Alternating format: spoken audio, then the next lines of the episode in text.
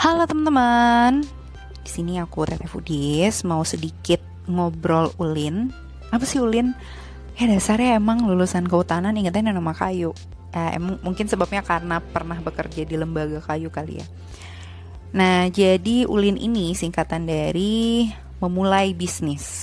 Ulin juga salah satu bahasa daerah yang artinya bermain atau main. Tapi di sini ulin itu memulai bisnis. Ya, di sini Teteh mau ngasih tahu uh, tentang gimana sih cara kita memulai bisnis gitu. Berawal dari waktu itu kuliah sambil bisnis, itu jualannya masih yang ringan-ringan tuh. Orang kan suka bingung kan, ah bisnis tapi aku nggak sempat buat bikin makanannya gitu, atau ah bisnis tapi aku nggak sempat buat jahit bajunya atau kaosnya dan sebagainya gitu kan. Nah tapi tenang teman-teman, tips yang pertama adalah berani memulai. Jadi lakukan aja. Kedua, aku belum bisa produksi barang sendiri atau produk sendiri, ambil dari orang lain. Kenapa ambil dari orang lain? Karena yang namanya pengusaha sukses itu berawal dari menjadi reseller. Gitu. Reseller itu menjualkan kembali dari pihak yang punya produk tersebut. Tapi nggak usah khawatir karena uh, semuanya itu kan berproses. Tiga tipsnya adalah sabar. Gitu teman-teman. Kenapa sabar? Karena semuanya nggak langsung menjulang. Ya kayak nilai aja. Gak mungkin kan nilai matematika kalian langsung tiba-tiba 100 nggak pasti bertahap. Mungkin bagi yang nilai matematikanya kurang atau logikanya kurang dia akan mendapat nilai yang di bawah KKM misalkan di bawah 75 tapi yang sudah memang punya bakat dan minatnya di matematika bisa jadi dia nilainya awal tes atau ulangan matematika langsung 80 nilainya gitu kan. Karena setiap orang beda-beda teman-teman. Nah temen aku pernah ada yang nanya kayak gini kamu kok jurusan kehutanan tapi kamu mulai bisnis sih? Gitu kan. Teman-teman gak usah khawatir karena di mana pun jurusan kuliah apa pun ataupun tidak kuliah sekalipun semua orang bisa memulai bisnis. Itu. Kuncinya adalah tiga hal yang tersebut. Kenapa kayak gitu? Karena uh, untuk bisnis ini diperlukan soft skill yang mungkin bisa aja enggak enggak atau belum kita dapatkan di perkuliahan atau misalkan ternyata memang nggak ada basic bisnis gitu. Ah tapi orang tua aku nggak ada basic bisnis atau ah orang tua aku kan pegawai pekerja gitu kan pekerjaan bekerja di orang lain. Tenang aku bukan terlahir dari orang tua yang pengusaha juga awalnya gitu. Karena apa? Karena emang waktu itu sebenarnya memulai bisnis itu dari SMP cuma karena hobi aja hobi bikin kue. Gitu. Jadi aku tuh hobi bikin kue. Dulu tuh pertama kali aku jualan adalah aku menjual brownies kukus. Brownies kukus rasa coklat sama brownies kukus coklat keju. Nggak ada namanya. Jadi aku cuma jualan aja. Dulu tuh bapakku kerja di Kalimantan ibuku kerja di Jakarta kadang di Bogor juga. Terus aku tinggal sama kakek nenek kadang di Bogor kadang di Ciamis tapi sejak SD itu di Bogor sampai lulus. Nah, SMP aku di Bogor, di salah satu sekolah favorit di Bogor. Orang-orang nanya, lah kan orang tua kamu kerja, ngapain kamu masih jualan gitu kan? Karena aku hobi, hobi masak dan aku bingung kalau misalkan ini kebanyakan di rumah, terus aku mau kemanain gitu kan. Di situ berinisiatif lah aku untuk ah coba jualan deh. Dulu aku menjual brownies itu 2000-an uh, dulu aku menjualnya 2000-an terus kalau yang lebih gede tuh 2500 kadang 3000 kalau 3000 aku jual harganya berapa? 3000 5000 dua gitu. Seringnya sih aku jual 3000 yang yang potongan besar slice atau potongan besar. Terus uh, 5 5000 dua jadinya dari harga 3001 gitu. Nah terus dari bikin brownies otodidak kan bikin sendiri sama lihat-lihat resepnya mama gitu kan aku juga jualan coklat bikin coklat. Terus dulu tuh masih yang zaman zaman zaman apa sih nembak pakai coklat gitu kan. Zaman zaman ABG ya. Nah itu pada pesan ke aku kayak ada coklat love yang bisa ditutup buka terus di atas di dalamnya tuh dikasih coklat caca dan ada kertas ucapan gitu. Rata-rata ada yang mesen ke aku tuh pas hari ibu pas uh, ngasih buat ceweknya kayak gitu-gitu deh Nah, abis itu aku dari situ langsung otodidak bikin puding juga, jualan waktu itu, puding coklat, puding ya banyak deh Oreo dan lain-lain.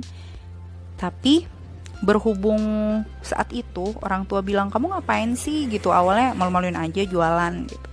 Tapi ternyata aku fun banget, having fun banget gitu kan dan di situ kayak menemukan suatu kebahagiaan aku sendiri. Kalau bete aku langsung masak. Kalau misalkan sebel sama orang terus aku mendingan di dapur. Kayak ngapain aja ngotrak ngatrek apa pun yang bikin aku have fun sendiri menemukan kebahagiaan aku sendiri gitu. Nah pas mau SMA aku bilang sama orang tua pengen masuk SMK Tata Boga atau yang khusus ke pastry-nya gitu kan. Kayak uh, makanan cemil-cemilan gitulah. Atau penutup gitu dessert dan lain-lain. Terus kata orang tuaku, loh kamu kan dari kecil pengen jadi dokter, ngapain kamu kuli, eh, ngapain kamu sekolah SMK gitu kan? Nah terus akhirnya aku memutuskan untuk mengambil SMA dan kelas IPA. Nah aku nggak nggak les keluar, aku belajar otodidak, belajar sendiri. Terus uh, emang sering nanya aja sama kakak kelas, ikut komunitas-komunitas, kayak terus ikut ekskul kir dulu, ada belajar barengnya. Alhamdulillah juga sempat kepilih jadi perwakilan KIR di Kota Bogor dari suatu sekolah aku. Terus sempat pindah karena sakit. Dan di situ fokus untuk belajar dari kelas 2 SMA dari kelas 11 itu. Karena aku pengen jadi dokter kan pokoknya kayak mindset aku tuh udah pokoknya fisika aku harus 90 terus kimia aku harus 90 apalagi biologi aku harus di atas 90 dulu mikir aku kayak gitu dan kelas 11 langsung mulai les uh, mulai les karena emang pengen jadi dokter banget dulu tuh. Kodarullahnya ya itulah ketetapan Tuhan ya kan? Kita nggak tahu kita hanya bisa merencanakan uh, bapakku sakit sebenarnya ya 10 tahun yang lalu sih cuman ibuku nggak pernah ngomong Nah, udah gitu pas aku pindah baru mamaku ngomong e, papa tuh sakit. Terus harus suntik insulin lah ini dan sebagainya gitu. Jadi ya kita harus mengirit-ngirit keuangan finansial gitu. Nah, gak lama sejak itu ibu mamaku berhenti kerja terus kita buka wirausaha kuliner karena e, sebenarnya gitu. Mamaku tuh menurutku sih masakan ibu sendiri tuh emang paling enak sedunia gitu kan. Dan alhamdulillah orang-orang uh, seargumen dengan aku karena masakan mamaku menarik enak pokoknya bikin pengen aja bahasa Sundanya sih bikin kabita gitu. Yaudah akhirnya uh, jualan. Sampai aku kuliah pun jualan jadi kan banyak tuh anak kosan ya aku uh, nawar-nawarin ke teman-teman yang daerah kan yang di luar pulau di luar Bogor di luar pulau Jawa. Pasti mereka mesen catering ke aku. Dulu tuh aku modal uh, cateringnya tuh ya bikin paket 10 ribuan gitu. Itu dulu aku bikin paket 10 ribuan. Dulu sih masih bisa ya 10 ribu itu udah ada ayam udah ada sayur tahu tempe. Kalau sekarang mungkin enggak mungkin kisaran 15 ribu lah bisa dengan itu gitu Terus dengan rendang tuh dulu aku jual 12 ribu masih bisa. Kalau sekarang udah nggak bisa ya, mungkin bisa sampai 20 ribuan. Nah di sini uh, kuncinya adalah kita pandai-pandai uh, melihat peluang. Kira-kira jualan apa sih gitu. Kalaupun memang kita pandai melihat peluang, tapi dari pengalaman aku seminar bisnis, paling utama adalah itu kita harus uh, lihat peluang dari yang sebelumnya. Jadi contohnya gini, dulu aku cuma reseller sambal ABCD namanya, kita hide ya namanya. Aku dulu hanya sekedar reseller pas tahun 2017, eh enggak enggak tahun 2016 kalau nggak salah. Aku reseller sampai tahun lupa deh pokoknya baru mulai pengen ngejual reseller itu akhir 2016 selama setahun 2017 itu aku reseller. Terus 2018 aku mempunyai produksi produk sendiri gitu. Aku nggak sendiri sih aku sama mama memproduksi itu dan mulai tuh aku branding ke teman-teman deket. Terus akhirnya aku coba beranikan untuk online di Instagram dan ternyata teman-teman di Instagram itu adalah yang paling uh, banyak banget orang minat gitu. Jadi kita harus lihat nih dari aku hasil seminar bisnis waktu itu dengan Pak Watsur map aduh belum belum aku tuh terbiasa ngomong cepet jadi kayak gini. Waktu itu Pak Kuat Subarja aku ikut seminar bisnis beliau uh, terus beliau tuh bilang kayak gini kita tuh harus pandai melihat peluang tapi kita lihat juga dengan bisnis yang pernah ada yang ingin kita produksi sendiri gitu. Bukan mencontek tapi kita buat inovasi baru cuma kita akan tahu kalau itu pasti berhasil gitu. Aku memang belum jadi pengusaha yang sukses yang punya miliaran dan sebagainya kayak Pak Kuat Subarja sih. Cuman nggak tahu kenapa mungkin emang ada pengalaman dan pernah juga ada kesan-kesan yang bikin aku terharu. Waktu itu pernah jualan karena lagi keadaan finansial yang kurang, terus lagi nyari uang untuk tingkat akhir bayar skripsi lah dan sebagainya, sidang, seminar, hasil dan dan lain-lain gitu kan. Aku jualan ke kota tua, terus sempet kayak uh, diusir satpam terus di hampir kena satpol pp juga tapi alhamdulillah lah ya. Jadi kan gak ada berita di koran calon sarjana kena tangkap satpol pp saat berjualan di kotu.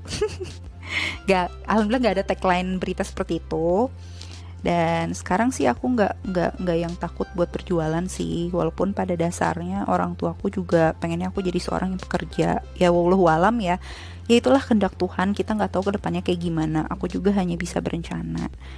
Tapi teman-teman harus pandai-pandai melihat peluang dan membaca situasi untuk ke depan gitu. Itu aja sih sebenarnya kuncinya. Dan teman pun banyak yang menanyakan sama aku gimana sih kok berani banget memulai bisnis? Jujur pas aku mencoba bisnis sambal ini modalnya adalah modal bismillah modal bersama mama dan nekat aja sih. Gitu gitu. Aku tuh orang emang nekatan gitu. Singkat cerita aku pernah sempat juga sih mencoba S2 dan ternyata menurutku jurusan yang aku pilih itu bukan bakat maupun minatku atau memang sebenarnya aku nggak ada effort di bidang itu karena entahlah eh, seperti akunya ya ya udahlah gitu kan. Walaupun aku selalu mikir yes uh, I can I can do it I can do it tapi nggak bisa gitu. Dan aku lebih memilih mengajar sambil berbisnis saat itu gitu. Ya walaupun emang pada umumnya orang tuh harus bisa sih sebenarnya. Tapi mungkin itu balik lagi karena mungkin sebenarnya bukan effort aku di situ. Ya sebelumnya sih emang aku mendapatkan beasiswa dari seorang dosen yang memiliki jasa banget buat aku. Dan beliau ingin uh, membiayai aku karena aku ya mungkin ya nggak tahu gitu. So far pandangan beliau itu aku berprestasi bagi beliau gitu kan dan pandangan dosen yang lain ya itulah kembali lagi Tuhan yang menentukan kehendak Tuhan beliau sudah berpulang ke rahmatullah gitu kan ya insya Allah ikhlas dan semua orang punya jalan masing-masing dalam hidupnya di mana pun baik sebagai pekerja baik sebagai pembisnis apa pun anything else, anything else. Yang pasti kita yakin uh, kesuksesan itu bisa kita raih. Jika teteh jelas balik nih, kata sahabatku, Allah itu romantis banget. Ya memang Tuhan itu maha baik, maha tahu segala yang kita gitu sebagai manusia butuhkan. Terus kata sahabatku satu lagi, apa pun jalannya, lo bisa laluin itu gitu dan alhamdulillah aduh sorry sedikit noise dan alhamdulillah nih dari awal aku masuk diploma aku pikir tidak akan mungkin untuk bisa lulus tapi sahabat-sahabatku, orang tuaku selalu bilang, ayo cari beasiswa, ayo cari beasiswa pasti bisa bisa bisa gitu. Semester pertama orang tuaku yang membiayaiku gitu. Selanjutnya, alhamdulillah aku mendapat beasiswa. Dulu aku mendapat beasiswanya tuh PPA BBM. Jadi ada dari mahasiswa berprestasi dan sebagainya gitu. Agak lupa ketentuannya tentang itu karena itu 2013 aku dapat beasiswanya. Terus S1-nya aku ngajar sambil dapat juga sih beasiswa lagi dan dari gaji juga digabung Nah itulah ada lika-likunya, naik turunnya, perjuangannya. Pokoknya kalau diceritain lagi bikin ketawa. ya, Allah itu penuh kejutan. Ya Tuhan itu benar-benar ngasih kejutan-kejutan yang nggak kita duga nggak tahu apa gitu. Tapi yang pasti jalanin aja. Kalau memang itu bakatmu ketahuan kok effortnya tuh bakal kelihatan juga gitu. Ya gitu aja sih. Kalau memulai bisnis tuh harus berani. Karena dulu juga aku modal berani gimana caranya aku harus mempertahankan beasiswa aku tapi bisnis juga jalan gitu kan. Gimana aku harus tetap kuliah juga nilainya tetap bertahan IPK di atas 3,0 karena kalau IPK aku di bawah 3,0 beasiswa aku akan dicabut itu dan alhamdulillah bisnis jalan beasiswa jalan terus karir jalan ngajar juga jalan. Tapi ketika S2 itu yang tadi aku ceritakan mungkin memang belum jalannya untuk berhasil. Nanti berhasilnya di jalan yang lain gitu. Nah, begitulah teman-teman, sekedar cuap-cuap ngobrol ulin alias memulai bisnis dan kisah-kisah aku dari kenapa mulai bisnis dan gimana lika-likunya gitu kan. Kalau misalkan teman-teman masih mau ngobrol-ngobrol tentang ngobrol ulin ini, bisa DM aku nanti cek aja Tete Foodies uh, yang ada underscore-nya ya, Tete Foodies underscore terus atau bisa follow juga nih bisnis aku sambal emak abah gitu. Emaknya EMAK abahnya ABAH gitu. Sambal emak abah underscore. Oke, terima kasih telah mendengarkan cuap-cuap ngobrol ulin dari podcast amatiran Tete Foodies. Semoga teman-teman bahagia selalu, sukses terus dan jangan lupa juga untuk tetap stay safe di antara wabah corona ini, di antara waktu-waktu kita yang di rumah ini. Pokoknya begitulah menikmati PSBB dan ya aku mencoba sedikit produktif untuk berbagi kisah